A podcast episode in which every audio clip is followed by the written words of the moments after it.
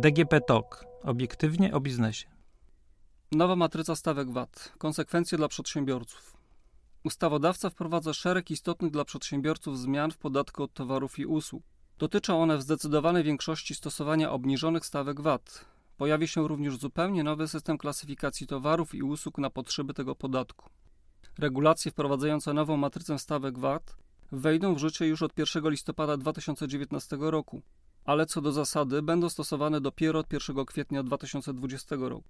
Oznacza to, że w okresie od 1 listopada 2019 roku do 31 marca 2020 roku nadal stosowana będzie większość obecnie obowiązujących przepisów dotyczących stawek VAT, z wyjątkiem przepisów określających nowy zakres stosowania stawek dla książek, gazet, dzienników i czasopism, o czym w dalszej części podcastu. Co ulegnie zmianie i od kiedy? Nowelizacja z 9 sierpnia 2019 roku, o której tutaj mówimy, przewiduje przede wszystkim określenie na nowo zakresu stosowania obniżonych stawek VAT w wysokości 5 i 8%. Najważniejsze z tych zmian, na które muszą przygotować się przedsiębiorcy, obejmują cztery elementy.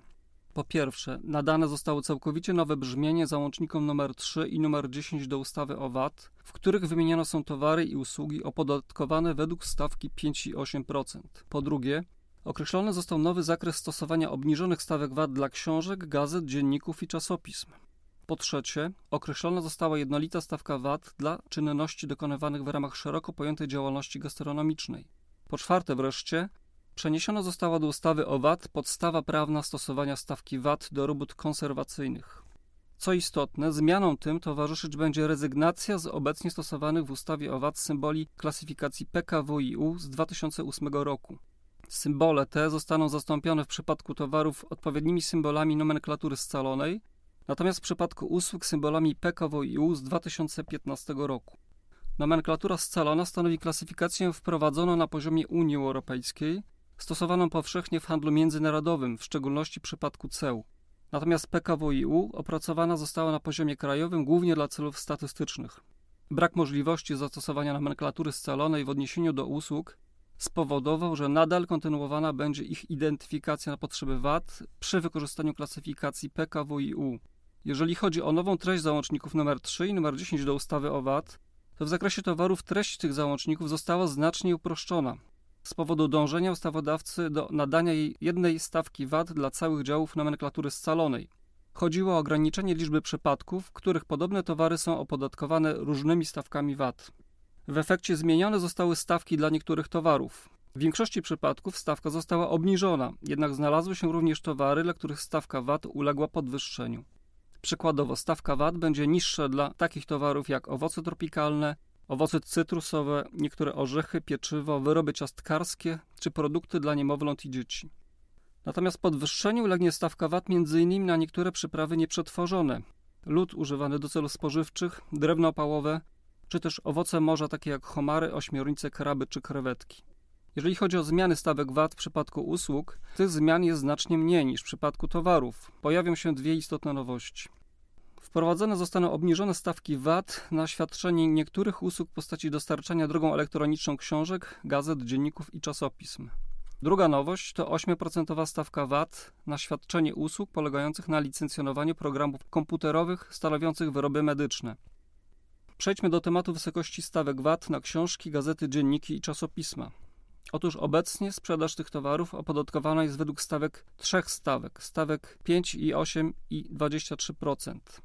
Przy czym z obniżonych stawek VAT nie korzysta sprzedaż książek, gazet, dzienników i czasopism w formie elektronicznej. Zmieni się to jednak z dniem 1 listopada 2019 roku. Od tego dnia wprowadzona zostanie jednolita 5% stawka VAT na wszystkie książki, w tym książki dostarczane w formie elektronicznej, czyli tzw. Tak e-booki. Poza tym wprowadzona zostanie jednolita 8% stawka VAT na większość czasopism, gazet, dzienników, w tym czasopisma, gazety i dzienniki dostarczane w formie elektronicznej, czyli dla e-prasy. Wyjątek stanowią czasopisma regionalne i lokalne, które będą korzystać z 5% stawki VAT. Natomiast czasopisma tego rodzaju dostarczane w formie elektronicznej zostaną opodatkowane według stawki 8%. Wróćmy do zmian w zakresie opodatkowania czynności dokonywanych w ramach szeroko pojętej działalności gastronomicznej. Należy wskazać, że dotychczas do czynności dokonywanych w ramach działalności gastronomicznej przedsiębiorcy stosowali z reguły 5% stawkę VAT. Od 1 kwietnia 2020 roku ulegnie to zmianie. W ustawie o VAT pojawi się bowiem zapis ustanawiający jako zasadę stosowanie 8% stawki VAT do wszystkich czynności, to jest do dostawy towarów i świadczenia usług, sklasyfikowanych jako usługi związane z wyżywieniem.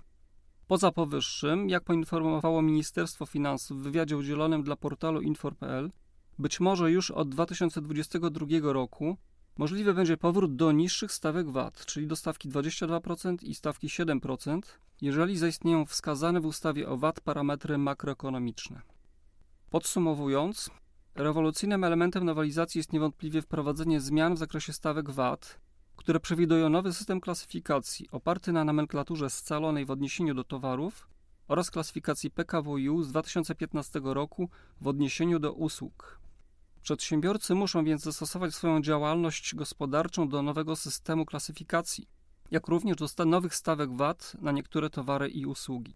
Obok tego podatnicy będą mogli korzystać z nowej instytucji, czyli wiążącej informacji stawkowej, która posłuży do określenia m.in. prawidłowej stawki VAT dla danego towaru lub usługi oraz zapewni ochronę podatnikom, którzy prawidłowo ją zastosują.